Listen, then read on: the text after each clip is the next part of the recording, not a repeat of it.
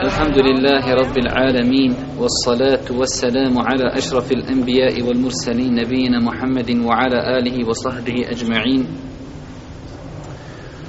Zaista svaka zahvala pripada uzvišenom Allahu subhanahu wa ta'ala. Donosimo salavat i selam na Allahog poslanika, Allahog miljenika Muhammeda alaihi salatu wasalam, njegovu porodcu, častne ashabi, sve one koji slijedi na putu istinu sudnjega dana.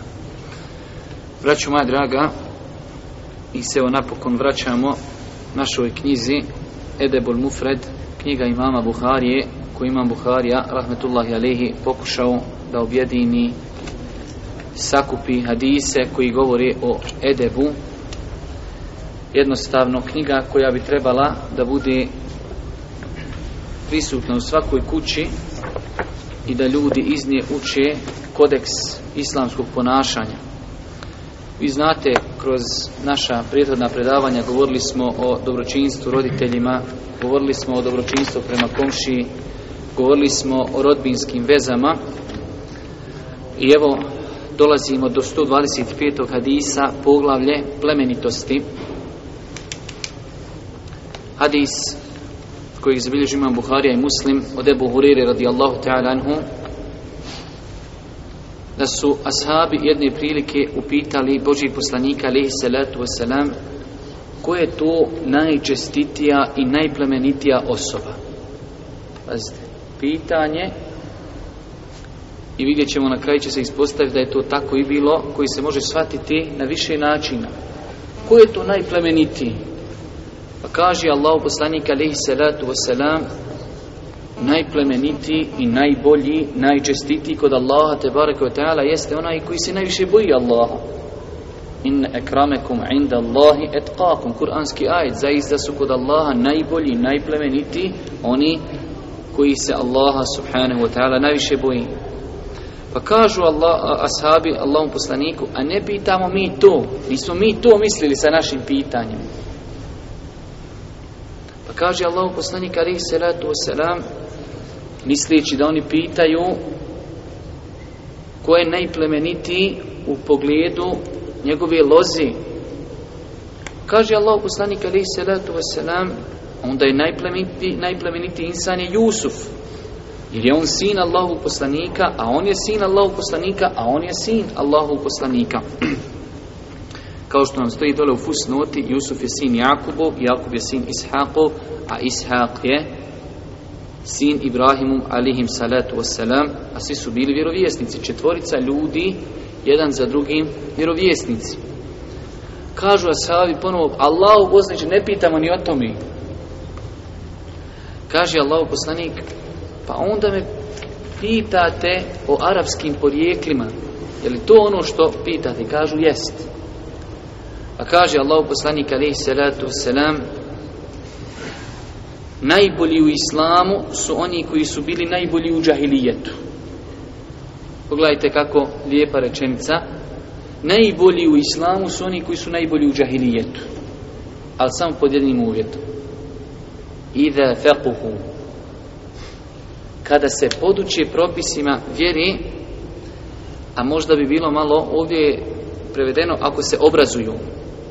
A najbliži prijevod, jer kada bi bilo, kada se podući propisima vjere, pošto na tako, na najvećem broju mjesta ovaj hadis tako prevodi, bilo bi iza ta'allamu, kada nauče se i kada se podući. Ali Allah poslanik ovdje koristi jedan glagol poseban, iza faquhu. Zašto je fiqh dobio ime fiqh? Islamsko pravo. Fiqh u arapskom jeziku znači razumijevanje. I ovdje kaže najbolji u islamu su najbolji u džahilijetu i za fekuhu. Kada se poduče propisima vjeri i kada i razumiju. Nije, braćo moja draga, pojenta uvjeri da čovjek nauči hadis, nauči ajet, Buharinu zbirku kompletnu ili čitav Kur'an, a to ne razumije. I mi smo svjedoci, baš na našim prostorima, da Bogdom nismo, ali jesmo, da imate ljude koji znaju Kur'an na pamet. Ali ništa iz tog Kur'ana on ne zna. On inšala će imati se vape za ono što uči. Ali braćo moja draga, nije Kur'an samo objavljen da bi se učio. Prvenstveno je Kur'an objavljen da bi se živjelo po njemu. Tu prvenstveno. A učenje moglo bi se u tom kontekstu staviti da je sporedna stvar. Jer Kur'an je u osnovi objavljen kao životni program za insana na Dunjaluku. Kažem, nije znači poenta da čovjek zna mnogo hadisa na pamet, nije poenta da čovjek zna kur'anskih ajeta dosta na pamet, a da to ne razumije. Mi ćemo, braću moja draga, se zaustaviti večera samo kod ove prve stvari, ona prva stvar koja je pala na um Božijim poslanika kada su ga pitali ko je tu najplemenitiji, najbolji čovjek. Pa kaže Allah poslanik, najbolji čovjek od Allaha te barko je tala jeste onaj koji ga se najviše boji. Zato ćemo mi govoriti o ovoj tematici, braću moja draga, zbog velike naše potrebe za ovom tematikom. Ona, ova tematika, kao što smo nedavno govorili, kada smo govorili kako djecu privoliti da klanjaju namaz i ta tema je bila više praktičnog karaktera i ova, braću moja draga, tema takvaluk, bogobojaznost, najbolji kod Allaha su oni koji ga se najviše boji ta tema ta tematika nama treba u stvarnosti u praksi teoretski je mnogo, braću moja draga ljudi koji pričaju, evo ovako baš ko što ću ja vama večeras pričati ali mi vidimo na terenu da nam nešto neštima. Znači, braćo moja draga, govorimo večeras o bogobojaznosti. Mi smo na početku, kada smo počeli komentarisati u knjigu, rekli da ćemo nekad zbog bitnosti određenog hadisa cijelu noć govoriti o jednom hadisu. A nekada ćemo prijeći po uglavlju u kojem ima 10, 15, 20 hadisa u toku jedne večeri. Znači, sodno potrebi. Ja smatram lično da je ovo tematika znači izuzetno potrebna današnjem narodu i ummetu. I s pravom se može kazati, braću moja draga, da bogobojaznost je jedno izgubljeno blago, nažalost, za kojim mal, mal broj ljudi traga. Ovo nijukom slučaju ne znači da ovaj insan što ovdje sjedi pred vama da je on pokupio pamet cijelog svijeta i da je bogobojazan, već znači da pokušamo svi zajedno da se, hajde da kažemo, prisjetimo onoga što su islamski učenjaci kazali u pogledu takvaluka. Evo navešću vam jednu činjenicu, možda je niste znali, ili ste je znali pa ste možda zaboravili, ili ste je znali pa je niste zaboravili. Vi znate kada neko želi da dokaže da je određena stvar bitna, kaže ona je spomenuta u Kur'anu. Pa primjer radi Allah s.w.t. u Kur'anu spominje komšiju i njegovo pravo. Duši na nekoliko samo mjesta u Kur'anu, ali kažu učenjaci, pogledaj koliko je mjesto komšije da ga je Allah spomenuo u Kur'anu. Dobro. Šta mislite na koliko mjesta uzvišeni Allah spominje bogobojaznost u Kur'anu? Kada kažemo bogobojaznost, mislimo na sve one izvedbenice od glagola u arapskom itteqa, jetteqi, bojati se Allah, tebarki wa ta'ala, ili riječ takvaluk. Na više od 270 mjesta u Kur'anu Allah spominje bogobojaznost i njene izvedenice. Zar to ne ukazuje na bitnost ove tematike? Znači svaka druga stranca u Kur'anu, kad bi se prosječno gledalo, na njoj se spominje takvaluk.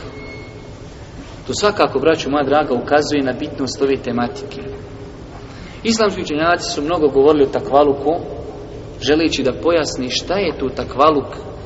I mi možemo jednostavno to shvatiti na jednom praktičnom, znači, hajde da kažem, na jednoj praktičnoj definiciji. Takvaluk je u stvarnosti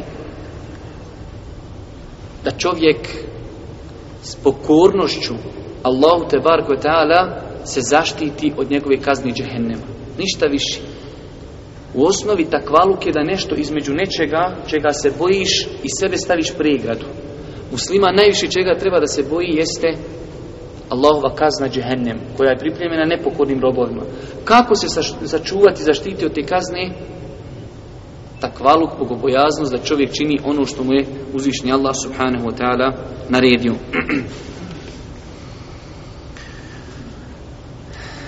Mi imamo, braću moja draga, ovoj tematici govoriti kroz mnogo nekih, hajde kažemo, poglavlja. Imamo govoriti o faktorima koji kazuju na bitnost bogobojaznosti. Govorit ćemo o plodovima dunjalučko-ahiretskim koje čovjek će pobrati ako Bog, ako bude pri sebi imao ovo veliko svojstvo. Govorit ćemo na kraju, opet je to teoretski, ali ćemo pokušati dati neke savjete i smjernice kako čovjek da kod sebe izgradi ovo veliko plemento svojstvo to svojstvo koji, braću moja draga, isto tako, vi znate, kad mi želimo da dokažemo da je određena stvar bitna, tražimo hadise u kojima je Allah poslanik tu stvar tražio. Pa vidjeli ste kad smo govorili o lijepom ahlaku na početku komentara ove knjige, kazali smo od bitnosti ahlaka u islamu jeste i to je da je Boži poslanik dovio Allahu te bare koje tamo da popravi njegov ahlak. Pa kaže, o gospodaru, kema ahsente halki, hasin huluki, kako si me lijepo stvorio u fizičkom izgledu, tako mi isto podari lijep ahlak. E isto tako, taj isti Boži poslanik, alaihi salatu wasalam, kaže Allahumma inni es'eluke al huda, wat tuqa, wal afafa, wal gina. Vjerodostojen hadis, Boži poslanik je govorio Allahumma inni es'eluke al huda, ja te gospodaru molim da mi podariš hidaje tu putu. To je najbitnija stvar. Nakon toga, et tuqa, molim te gospodaru da mi podariš bogobojaznost. Taj poslani, pazite, moli Allaha da mu podari bogobojaznost, a znate kako se on ponašao? Znao je, kao što je došlo vjerodoslovno na Hadisu, dođi svojoj kući. U svoju kuću dođe, ne, ne u supermarket negdje. U svoju kuću i nađe datulu na krevetu. Njegova kuća, njegov krevet i uzme datulu i hoće da je podigne da je pojedi i onda kaže možda je sadaka a Božijem poslaniku je bilo zabranjeno jesti sadaku mogu jesti hediju poklon ali nije mogao jesti sadaku i onda je baci i ostavi je vrati i ne pojede je jedna datula taj Allahov poslanik takav on je molio Allah subhanahu wa ta'ala podari mi takvaluk pogledajte jedna datula U nas ljudi jedu hiljade, stotine hiljada, milijune kamata, ništa. I onda se čudi i kaže, kad ga nešto zvizne, kaže, što sve na mene? A na koga će? Koga bi ti? Znači, braćo moja draga, ova tematika svakako ima svoju bitnost i zato kažem definitivno, ako pogledamo temeljito, temeljito, odakle je najžešći vjetrovi pušu ovom umetu, danas jeste iz ovog pravca. Nedostatak istinske bogobojaznosti takvaluka. Kada pogledate gdje je srž i korijen razlike između nas i prvih generacija. Prve generacije, vraću moja draga, znači kod njih je bilo prihvatanje propisa bez filozofije. Zato su uspjeli. Zato su oni u periodu historijskom koji je bio stotinja godina dvije najveće sile u to vrijeme svjetske su oni nisu njih nakautirali. U sto godina. Počeli su od ništa. Počeli su od jednog čovjeka, od čobana, ovaca i deva i postali su najveća svjetska sila samo za sto godina kada su živjeli po principu čuli smo, pokorajemo se, istinski se bojimo Allaha tebareke ve ta'ala zato imate vjerodostojnu predaj kod imama Buhari isto Ebu Bekr radijallahu ta'ala je imao jednog slugu taj sluga išao zarađivat pa kad bi zaradio nešto Ebu Bekr bi znači od tih para kupio sebi hranu Svaki dan bi ga pitao gdje si zaradio pare, pa kada bi rekao gdje je zaradio pare, onda bi ošao kupce za tu hranu. Jednog dana je čovjek sluga, rob, donio pare i Ebu Bekri ošao kupio hranu, nije pitao odakle. Kad je fino pojeo, pogledajte kako šetan sačeka, on polako, da je spojed prvo. Kad je pojeo, kaže njemu rob, znaš ti, kaže, otkud ti meni pare? A majka, kaže, draga, otkud ti? Kaže, ja još prija u predislamskom dobu, džahilijetu, ja sam, kaže, gato ljudima. Ko što i danas mnogi gataju. E, ali pogledajte ovoga. Ali, kaže, ja sam još lagu. Ko što mnogi opet lažu.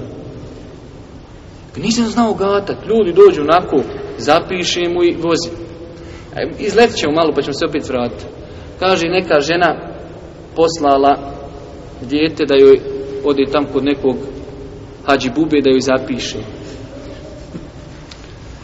Ode ti on, njemu nešto se omrskalo ići i veli šta ću, idem ja dole neđe u mezarluke, s jednog ću ja nišana ono prepisat, šta piše na nišan, on je arapski slova, zamotat ću ja to donić mami, pareć u sebi i eto ga, vukovi, siti, ovce na broju.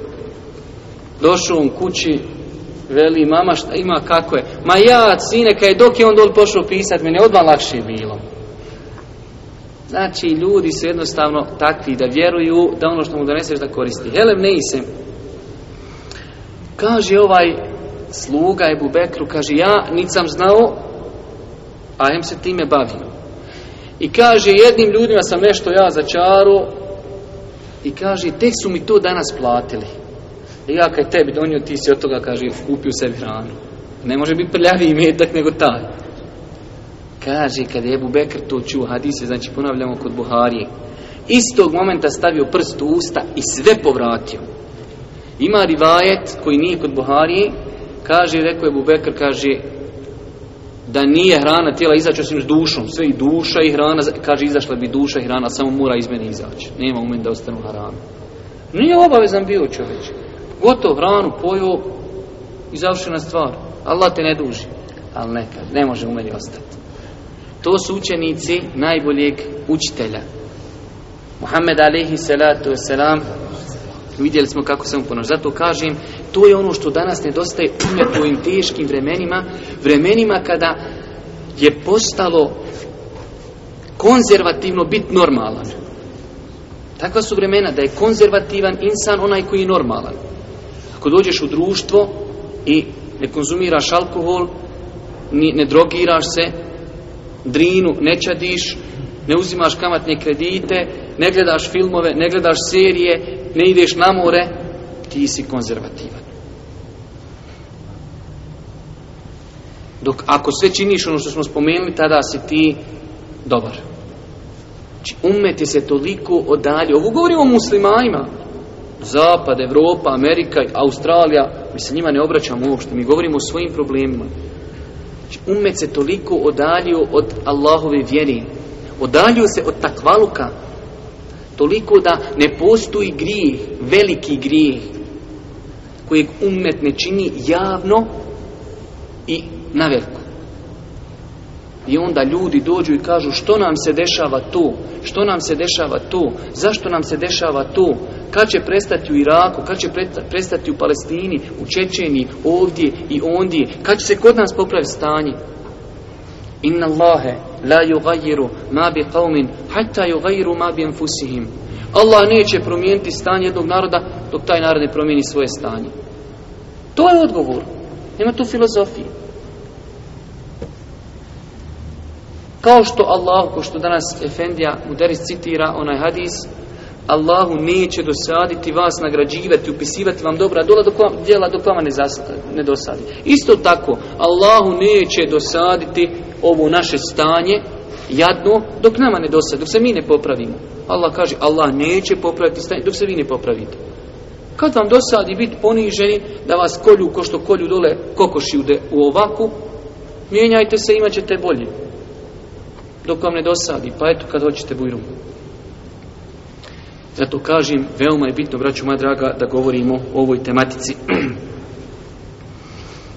Allah subhanu wa ta'ala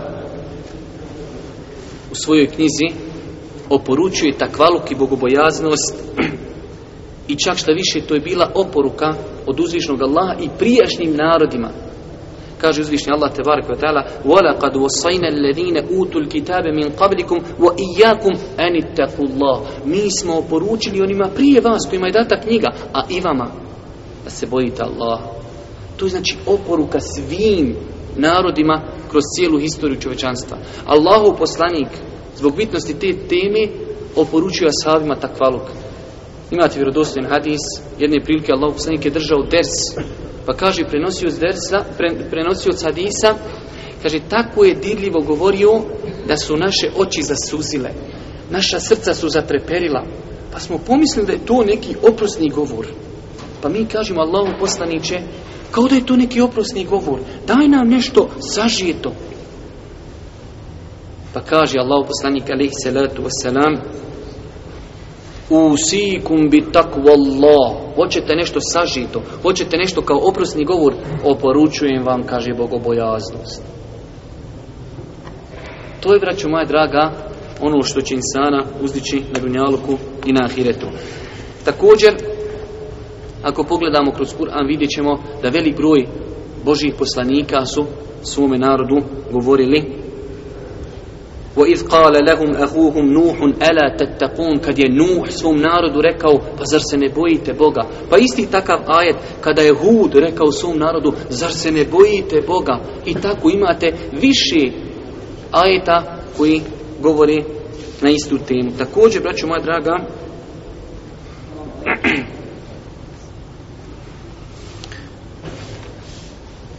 od faktora koji nam ukazuju na bitnost ove tematike jeste ovo ovaj hadis u kojem govorimo činjenica da su najbolji ljudi kod Allaha subhanahu wa ta'ala najcenjeni, najpriznani oni koji se Allaha boji i to je braću moja draga odlika ove vjere koji ne možete naći nigdje drugu ova vjera je toliko savršena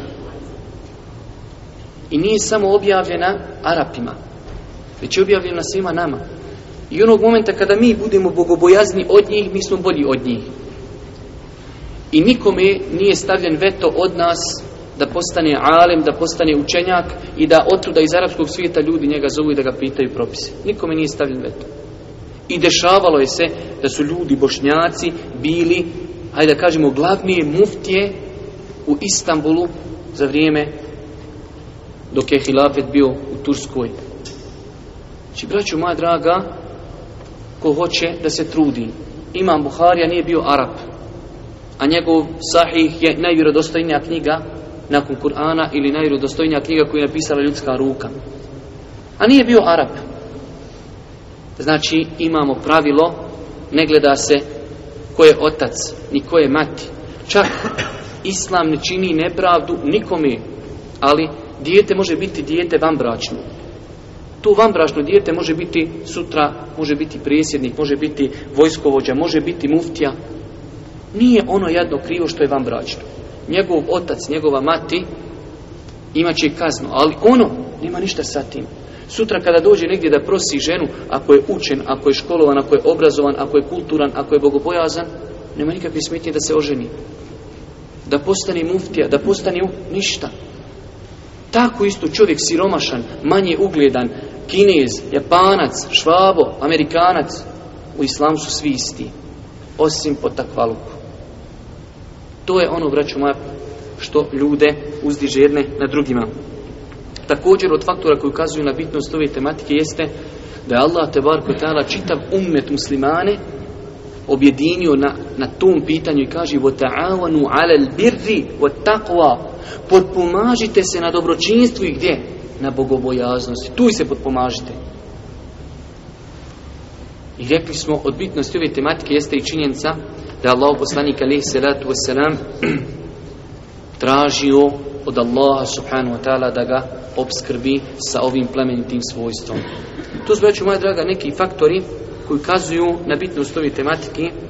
Evo mi ćemo, pošto mi Treba je, živimo u takvom nekom periodu kada ljudi sve gledaju kroz prizmu dolar, euro, dunjalučke neke koristi, da vidimo šta sve sa sobom u kontekstu dunjaluka nosi bogobojaznost. To je ono što bi trebalo u nama, ako Bog da da pobudi želju, da budemo čestiti, da budemo marljivi, da budemo prepoznatljivi pod takvaluku. Imate hadis koji, znači, ulema se raspravlja oko njegove vjerodostojnosti, ali ako ništa,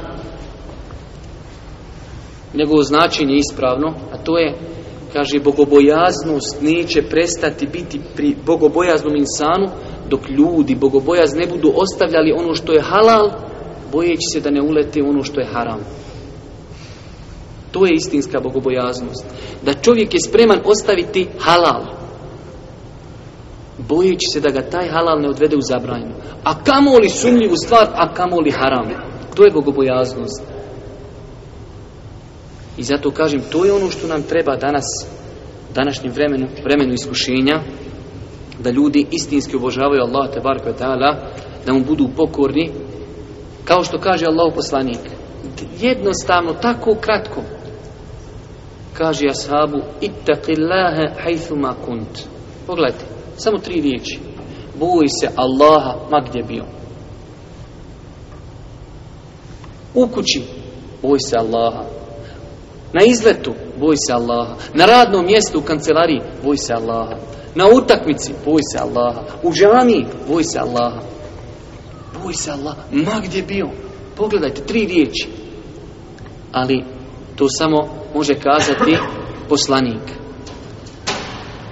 Koji kaže, sam za sebe opisujući, govori, Allah poslanik kaže, U'ti tu džavami al kelim, ja sam dobio jezgrovitost govora. Jedna od osobenosti Allahu poslanika kojom se odlikuje na drugim poslanicima jeste je zgrovitost u govoru. Pogledajte, u tri riječi ti rekne nešto što ti može kroz čitav život koristiti. Boj se Allaha, mak ti je bio. Dan, boj se Allaha. Noć, boj se Allaha. U kući, prozori, sve spuštene roletne, boj se Allaha. To je ono što nedostaje, braću moja draga, umetu. Evo nekoliko koristi... koji će nam svakako, inša Allah, otvoriti, trebale bi da nam otvori srce prema ovom velikom plemenitom svojstvu. Prva stvar, braćo Madra, vidite kako je umet ponižen danas, znači definitivno, bez, bez imalo, imalo straha čovjek može kazati da je muslimanski narod, umet, najponiženiji narod na planeti. A jedan od najbrojnijih naroda toliko je primjera. Ne treba, znači, sad bi čovjek mogao u svijetu jaci i samo navoditi primjere kako je ummet ponižen. Njihovu svijetu, knjigu, Kur'an, spaljuju. Ljudi nemaju kad da reagiraju, pošto su zauzeti svjetskim i evropskim prvenstvima futbala, neko ovi gore zapaljuju, mi nemamo kad reagirati. Zamislite da je milijarda i pol muslimana samo ustala i na mikrofon drijeknula se gore na oni što su to radili. On bi umrli od strana. Ali ne, njima je teško ustati da, da reknu, nemojte to činiti. Ili da su otišli već jednom milijarda i pol muslimana i da su otišli samo i svi ponijeli po pračkicu i tamo ispali na Palestinu, toliko bilo kamenja u Izraelu da bi zatrpalo Izraelu ali treba se podići, treba pračku kupiti, treba kamenčić ponijeti sa sobom. To su za nas velike deređe. I mnoge druge stvari, počevši od Fatine crkve u Konjevića polju i mnoge drugi stvari. Znači, problem je, braćo moja draga, u ummetu. I u to, to je ono gdje leži taj zijec, gdje ja kažem, ta kvalu, braćo moja draga, donosi pobjedu. Kaže uzvišnji Allah subhanahu wa ta'ala kada govori o Bedru, o bitci na Bedru, vi znate šta je bilo na Bedru? Na Bedru je bilo 300 ashaba, a bilo 1000 nevjernika. To oni bili opremljeni do zuba, ovi ashabi krenuli nakon sa noževima, sa sabljama, ništa, bez pancira, bez deva, bez ičega. وَلَقَدْ نَسَرَكُمُ اللَّهُ بِبَدْرِنِ Ali Allah je vas pomogu na Bedru. Došli meleki, A zato kaže Allah subhanahu wa ta'ala na kraju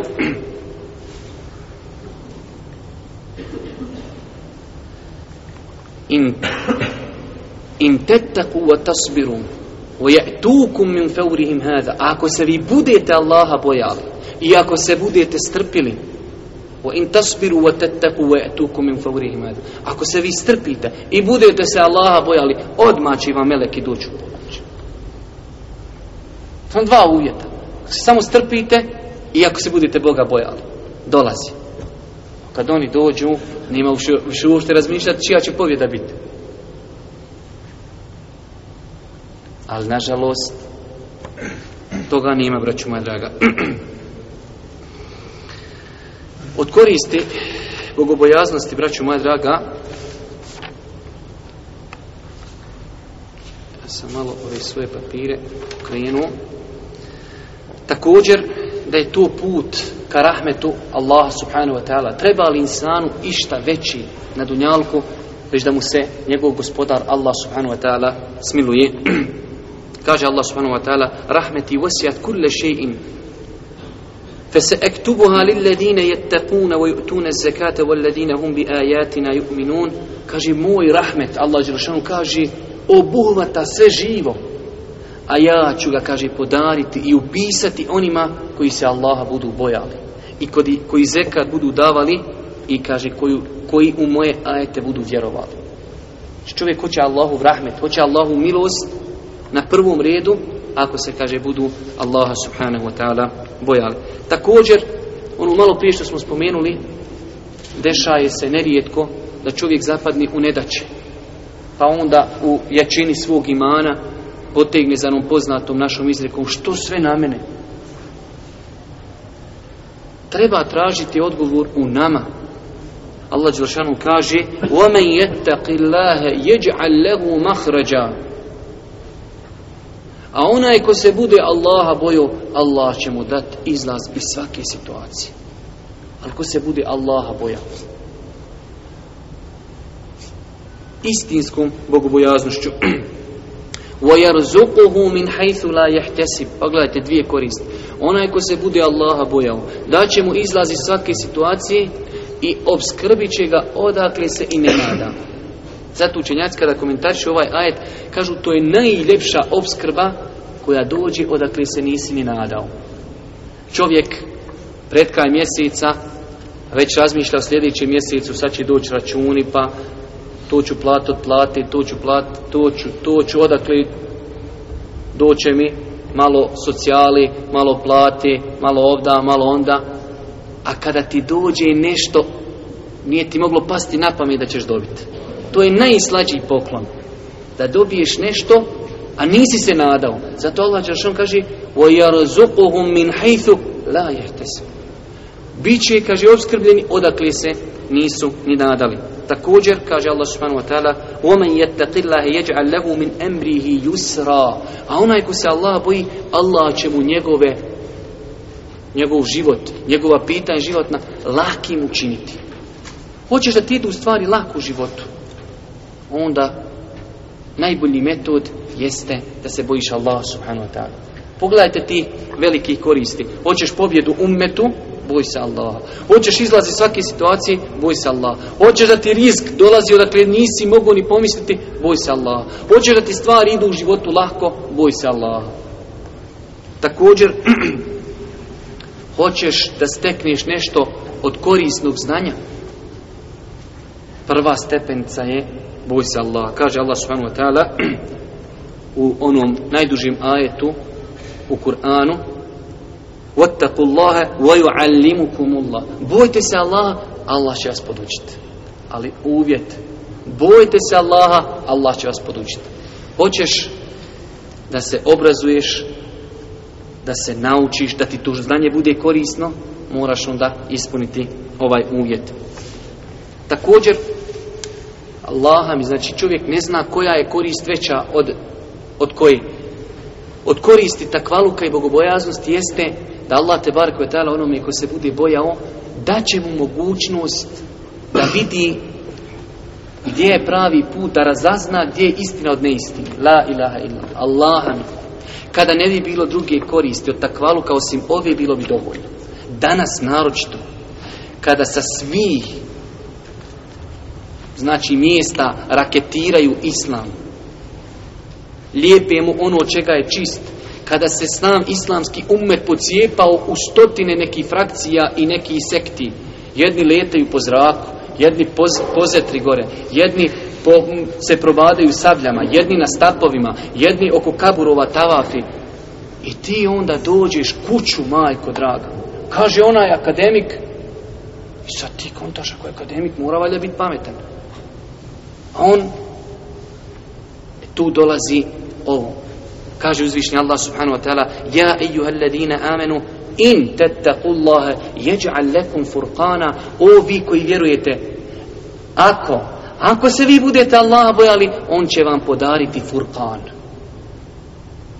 furqan da ćete moći rastaviti istinu od neistini Allahu ekber današnje vrijeme vrijeme smutnji vrijeme šubhi vrijeme grijeha Allaha mi je se teško snaći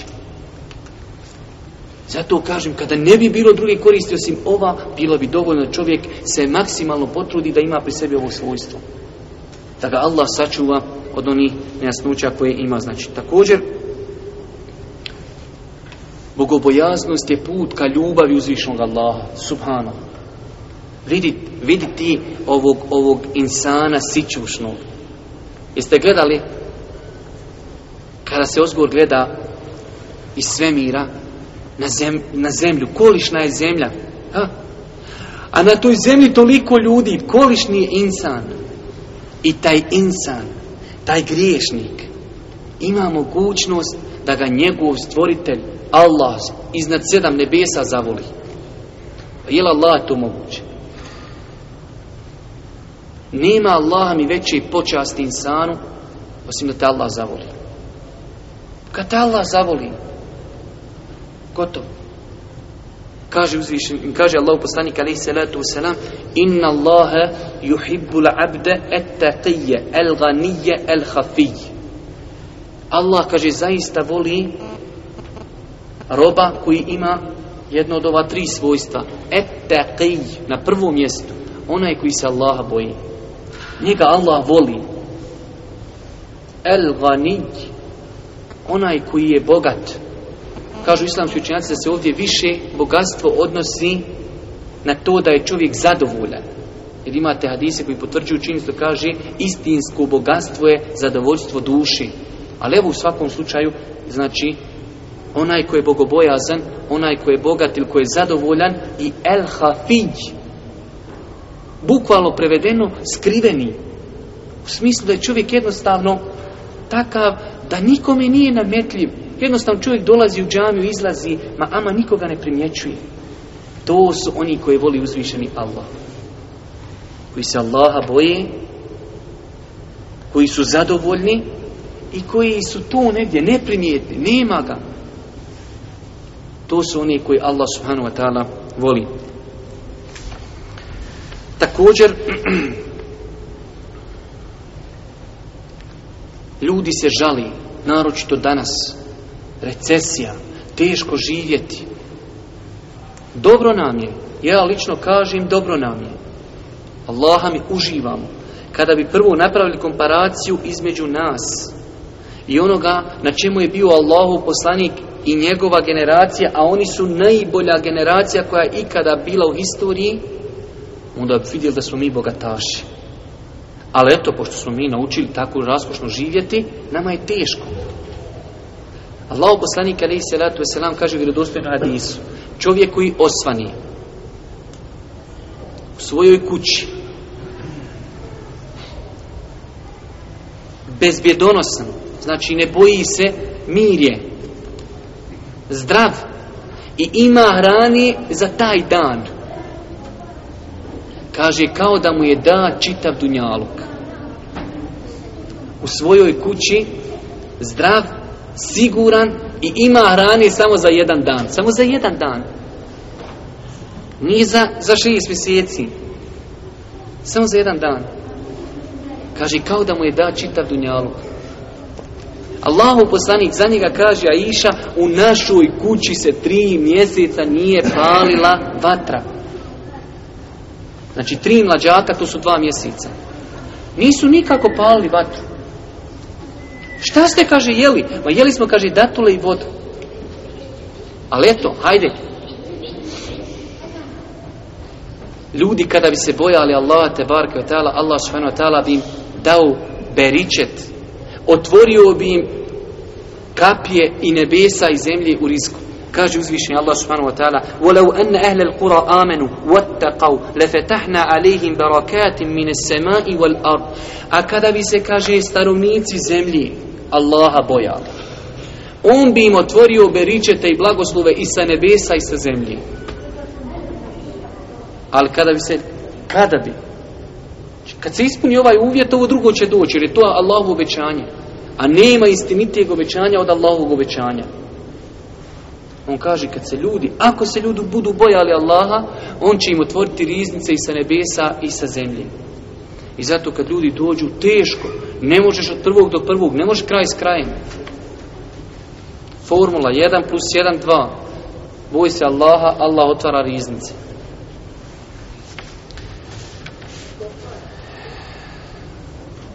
Također, braću moja draga,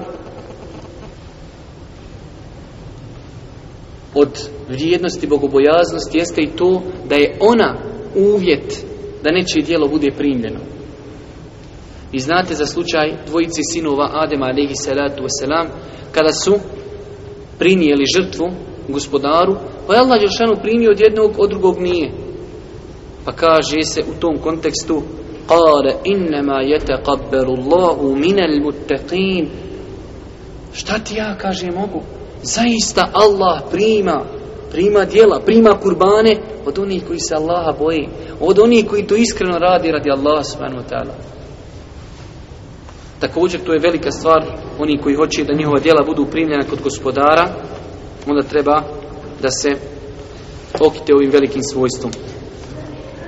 Svakako, od ahiretskih nagrada moglo bi se one, znači, govoriti kroz razno razno neku prizmu, ali u više kuranskih ajeta Allah Tebara Kvetala je obećao da je džennet pripremio za svoje pokorne robove, oni koji se Allah Subhanahu Wa Ta'ala budu istinski bojali. Ostaje nam za kraj ovog našeg druženja nekoliko savjeta, ajde da kažemo pokušaja, da ukažemo kako i na koji način izgraditi kod sebe ovu veliku plementu svojstvo. Prva stvar, braću moja draga, govorimo neprestano o tome, jeste istinska spoznaja Allah subhanu wa ta'ala Jer čovjek ako istinski spozna svoga gospodara, zna da ga Allah tebara kvetara neprestano vidi. To smo govorili kad smo prošli put govorili o rijaluku. Kako se najbolje liječi, liječi rijaluk? Istinsko spoznaju gospodara. Čovjek zna da ga Allah neprestano vidi. Da ga neprestano čuje. Da sve što radi je zapisano. Kakva je korist da čovjek navuče roletne i tamo gleda na TV-u ono što ne treba gledati, Allah ga neprestano vidi. Meleki neprestano pored njega pišu sve. Kafe roletne? Roletne su ti na srcu čovječe, zato što ispravno, ispravno ne vjeriš u gospodara. Tu su roletne. Znači, istinska spoznaja Allah subhanu wa ta'ala, njegovih svojstava, dolazi žena Allahovom poslaniku i žali se na svog muža. Kaže Aisha, vi znate kolika je soba bila Aishina? Kaže Aisha radijallahu ta'ala na Allahov poslanik kad bi klanio, kaže, a ja ležim, on nije mogu učiniti seđdu. Već bi me, kaže, dotakeo pa bi ja pokupila svoje noge, pa bi on učinio seđdu. Pa kad bi opet došao na kijam, kaže, ja bi pružila noge. To je maksimalno dva sa dva. Četiri kvadrata. I kaže, a iša ja u jednom čošku sobi, a u drugom čošku sobi ta žena se jada, kaže Božim poslaniku, na svoga muža. I kaže, a iša, ja nešto čujem, nešto ne čujem, ne mogu sve razumjeti. Allah objavljuje ajete u surimu Đadele, لَقَدْ سَمِعَ اللَّهُ قَوْلَ لَتِي تُجَادِلُكَ فِي زَوْجِهَا Zaista je Allah čuo riječi onih koja se žala na svoga muža. Sin ceda nebisa. Subhano. To kad čovjek zna, džabaro letni, nema, nema, ne može se sakriti nigdje. Također, braću moja draga, da čovjek zna, suprotno od bogobojaznosti, činjenje grijeha. Da čovjek zna štete koje proizilazi iz grijeha. To će mu biti dodatna satisfakcija da čovjek ustraje na bogobojaznosti. Zapitajte se samo kroz historiju Velika dešavanja se dešavala zbog grijeha Zašto je Adem Alehi Salatu Veselan sa svojom subrugom Istiran iz dženneta Zašto je potopljena zemlja Sa vrijeme Nuha Alehi Salatu Veselan Zašto je uništen narod Ada Alehi Salam Zašto je uništen narod Semudov Zašto je uništen narod Salihov Sve, braću moja draga, jedan odgovor. Zbog grijeha. Znači, kad čovjek zna negativnosti koji nosi sa sobom grije, to je svakako velika satisfakcija da čovjek ostaje ustrajan na pokornosti Allahu. Također, čovjek da bi se hajde da kažem učvrstio na ovom svojstvu, mora da zna odakle mu dolaze najžešći vjetrovi od najžešćih neprijatelja to je šeitan.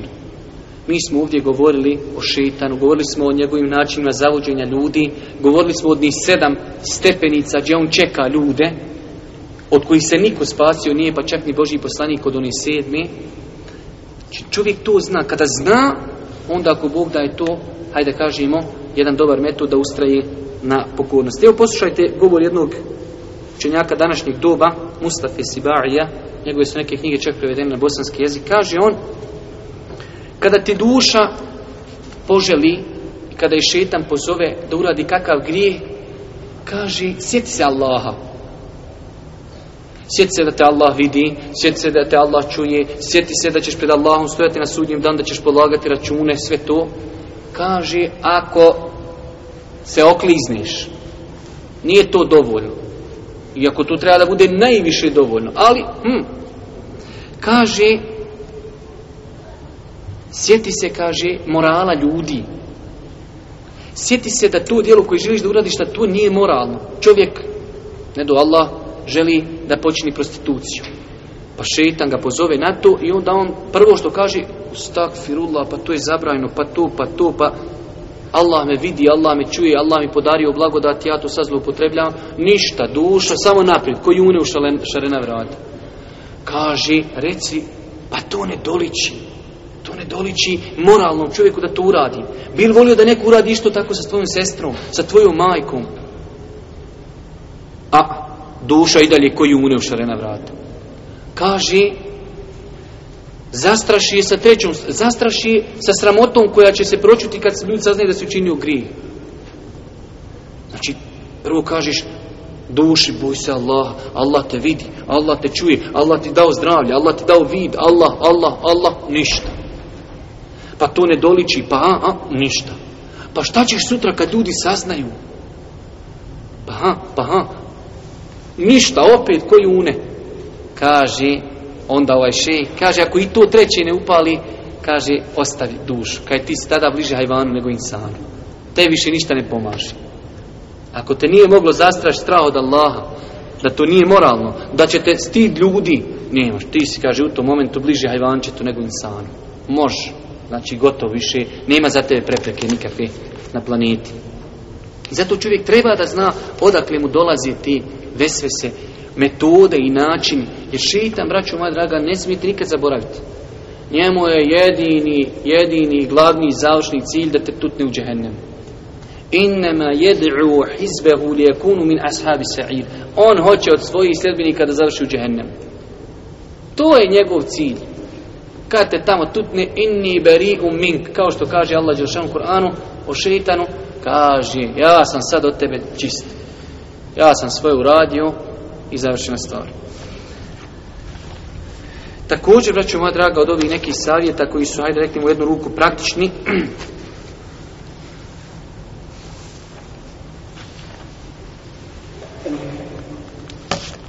jeste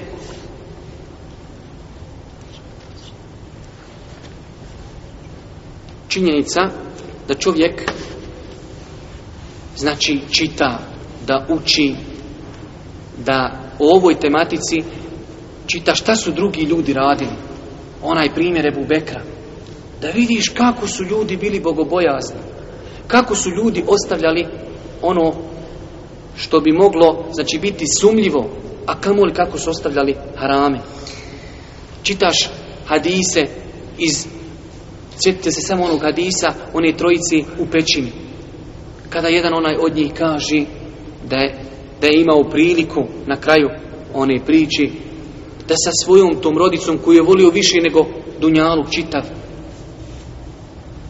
da su je, znači situacija je došla tako da je došla i kaže daj mi pare pa je on to uvjetovao da sa njim spolno opći pa kaže kad sam legao kao što muž legni sa svojom ženom ona mi kaže šta itaqillah boj se Allaha bolan znaš da to što radiš je bespravno kaže pa sam i ostavio Ostavio sam joj pare.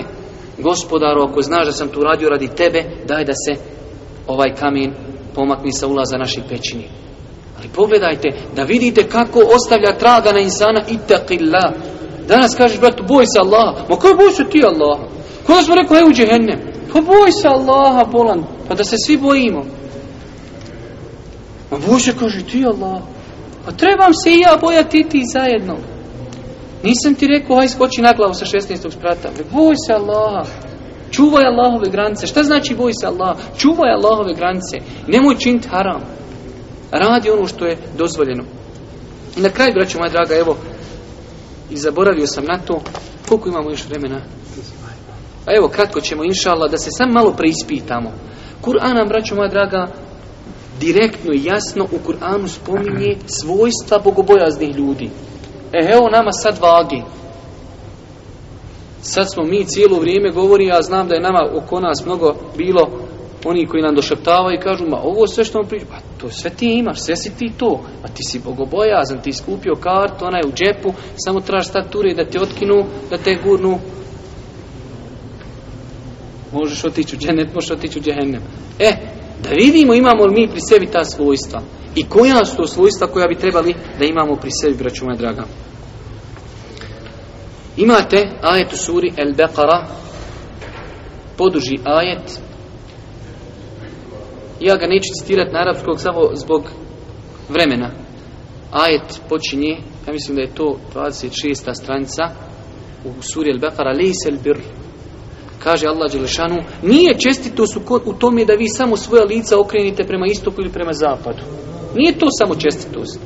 I onda nabraja, a onda će kazati na kraju da je to svojstvo mu'mina, bogobojazni. Pazite sa šta je, šta je bogobojaznost? Kaže, ali je dobročinstvo da vjerujete u Allaha. Prva stvar, da vjerujete u sudnji dan. To je dobročinstvo i to je takvaluka. Da vjeruješ u sudnji dan, da ćeš stajati pred Allahom, da ćeš polagati račune. Ne daj Bože da pomisliš pa da rekneš a ko je se od otuda vratio. Da kaže, vjerujete u Allahove meleke. Da vjerujete u Allahove knjige. Da vjerujete u Allahove poslanike. Da dajete imetak pa makar ga i volili. Uf. E, Boga mi ovdje je već potanko. Uf da dajete imetak makar ga volili. I sad kom je se daje imetak? Zevil kurba, rodbini, vol jetama, jetimima, vol mesakin, siromasima, Vodini sebil da daješ putniku, namjerniku, vosa i line, i oni koji išću, koji traži, prosjacima. Vofir riqabi da se neko iskupi robstva i tu da daješ. Pa on, ovo je sve bilo, znači samo udjeljivanje imetka, ono makar ga, kaže, čovjek i volio. Pa nastavlja, Allah s.w.t. kaže, oni koji namaz obavljaju, oni koji zekija daju, oni koji ispunjavaju ono što su obećali. Uf. Potanki smo ko store. Ko lizala. Ali ona uzdužna, nije ona okrugla imamo li pri sebi ova svojstva, udjeljujemo li novac koji volimo, ispunjajemo li obećanje koje smo dali, وَصَابِرِينَ فِي الْبَأْسَاءِ وَالْضَرَّةِ i u žestukom i ljutom boju strpljivi. Jesmo li strpljivi?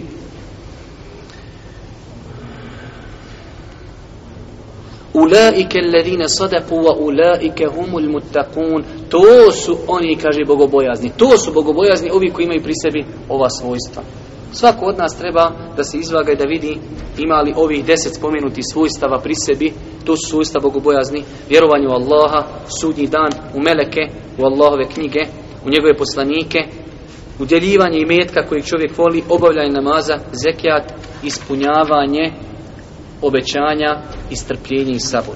Drugi kuranski ajet suri Ali Imran وَسَارِعُ عِلَى مَغْفِرَةِ مِنْ رَبِّكُمْ požurite ka Allahovom oprostu i njegovom džennetu čija su, kaže, prostranstva kao prostranstva zemlje i nebesa kojeg je Allah pripremio komi? Lil mutaqin Allah ga pripremio bogobojaznim i onda nam daje svojstva tih bogobojaznih Allah nam kaže pripremljene džennet za bogobojazni e, čovjek sad sebi kaže pa dobro, da li taj džennet za mene pripremljen da vidim imam li ja to pri sebi pa kaže uzvišeni Allah subhanahu wa ta'ala alladhina yunfiquna fis sarai wad dara opet po džepu oni koji udjeljuju i kad imaju i kad nemaju Boga mi je teško biti bogobojazan kaže nama jedan ših u Medini nemojte se zavaravati da čekate da imate puno para pa da dijelite Ko ne udjeljuje kad ima malo, neće udjeljivati ni kad ima puno. Još gori. Čovjek koji ima deset maraka, mi smo to govorili po islamu, kada udjeli Marku, on je udjelio desetinu i metka. Marku dao desetina. Lako je se od Marke odvojiti. A šta misliš onaj koji ima milijun? On tebe da bi stigo mora da sto hiljada. Ja mislim da bi on 68 puta dobio srčani prije što tu dao. Ali da bi te stigo mora dat 100.000. A ti dao Marku, ti imaš sam 10 maraka. Ti dadniš Marku, ti si dao desetinu imetka. On ima milijun, onda bi tebe stigo u nagradi mora dat 100.000. Zato kad imate malo udjeljujte. Ako Allah dadne puno, onda ćete imati veći naliku. Prva osobina za koju je Allah pripremio džennet, jeste utjeljuju kad imaju puno, kad imaju malo. Također, وَالْكَاظِمِينَ الْغَيْضَ Oni koji, ajde kažemo, malo je to potiško prevesti na naš bosanski siromašni jezik, koji svoju ljutnju prekrivaju i sakrivaju. Kada ima mogućnost čovjek da ispolji svoju ljutnju, da je tada proguta. To su oni kojima je džennet pripremljen. Boga mi je potiško. Wala afinan nas koji halaljivaju i opraštaju ljudima. Of. Ma nešti kaže halal ni na sudnjem danu, ne na dunjalku, ništa ni tamo halal. Šta mu je uradio kokoš otišla u vrto i jednu glavicu luka isčeprkala nogom. Kaže nešti nikad halal. E. Vićemo ćeš ti u džennet. Allah je sam kaže džennet je pripremljen koji opraštaju.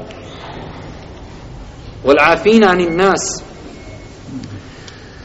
Wallahu yuhibbul muhsinin. Allah voli one koji čini dobra djela, pa onda nastavljamo. Walladine idha fa'alu fahishatan. I to su oni kojima je pripremljen džennet, oni kaže kada ako uradi, ako uradi loše djelo ili nanesu sebi nepravdu, čovjek kada čini grijeh sebi nepravdu čini. Zekerullah. Oni se Allaha sjete i Allaha spomeni. Vestagferu li dhunubihim. I od Allaha oprost traži volem ju sirru ala mafa'lu i ne rade u kontinuitetu svjesno grijehe. Ovo je svojstvo mu'mina, mutaqija. Šeitan može doći čovjeka prevariti. Hajde jednom uradi nešto. Ali da to postane tvoje svojstvo, kaže onaj, ma znaš kanje, on je stotinu puta slago, stotinu puta prevario, stotinu puta ukru. Nema tu bogobojaznosti. Može se desiti čovjeku jednom, oklizne se i padni, ali ustani. Ali non stop se klizat i non stop padat, onda tu Boga mi slabo ima bogobojaznost. Oni koji kada urade grije, sjeti se Allaha i stikvar donesu i ne ustraju svjesno u grijehu. To je, braću moja draga, svojstvo mutetija. Također, evo, spomenut još, ako Bog da, ako stignemo, nekoliko svojstava. Jedno od tih svojstava jeste da mutetlije bogobojazni poštuju Allahove granice. Za njih su Allahove granice svijete, velike, u svakom pogledu, i kada su tajno, i kada su javno, i velike, i male stvari. Također,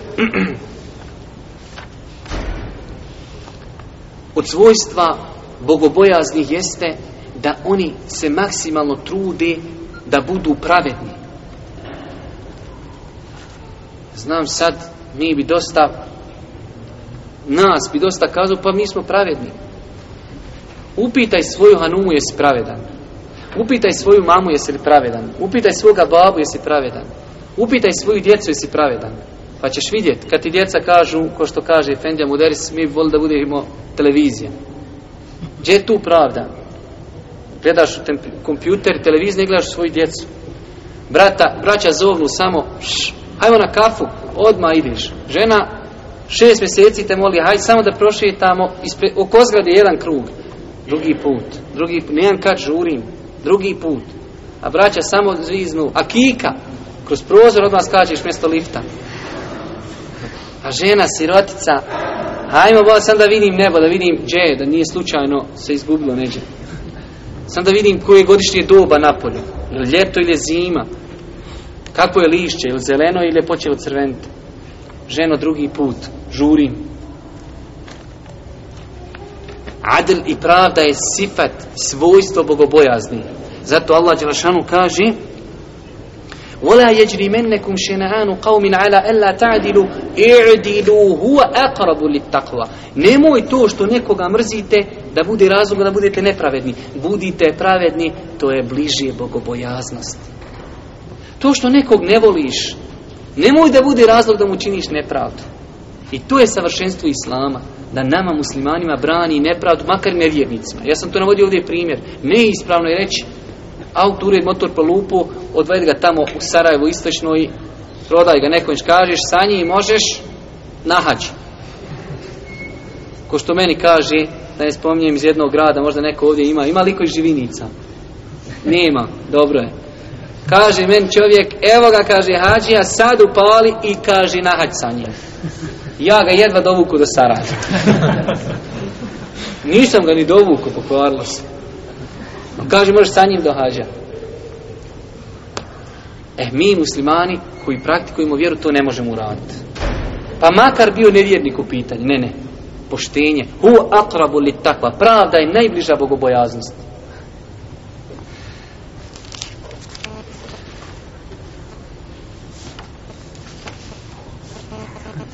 Braćo moja draga, mi ćemo se ovdje zaustaviti.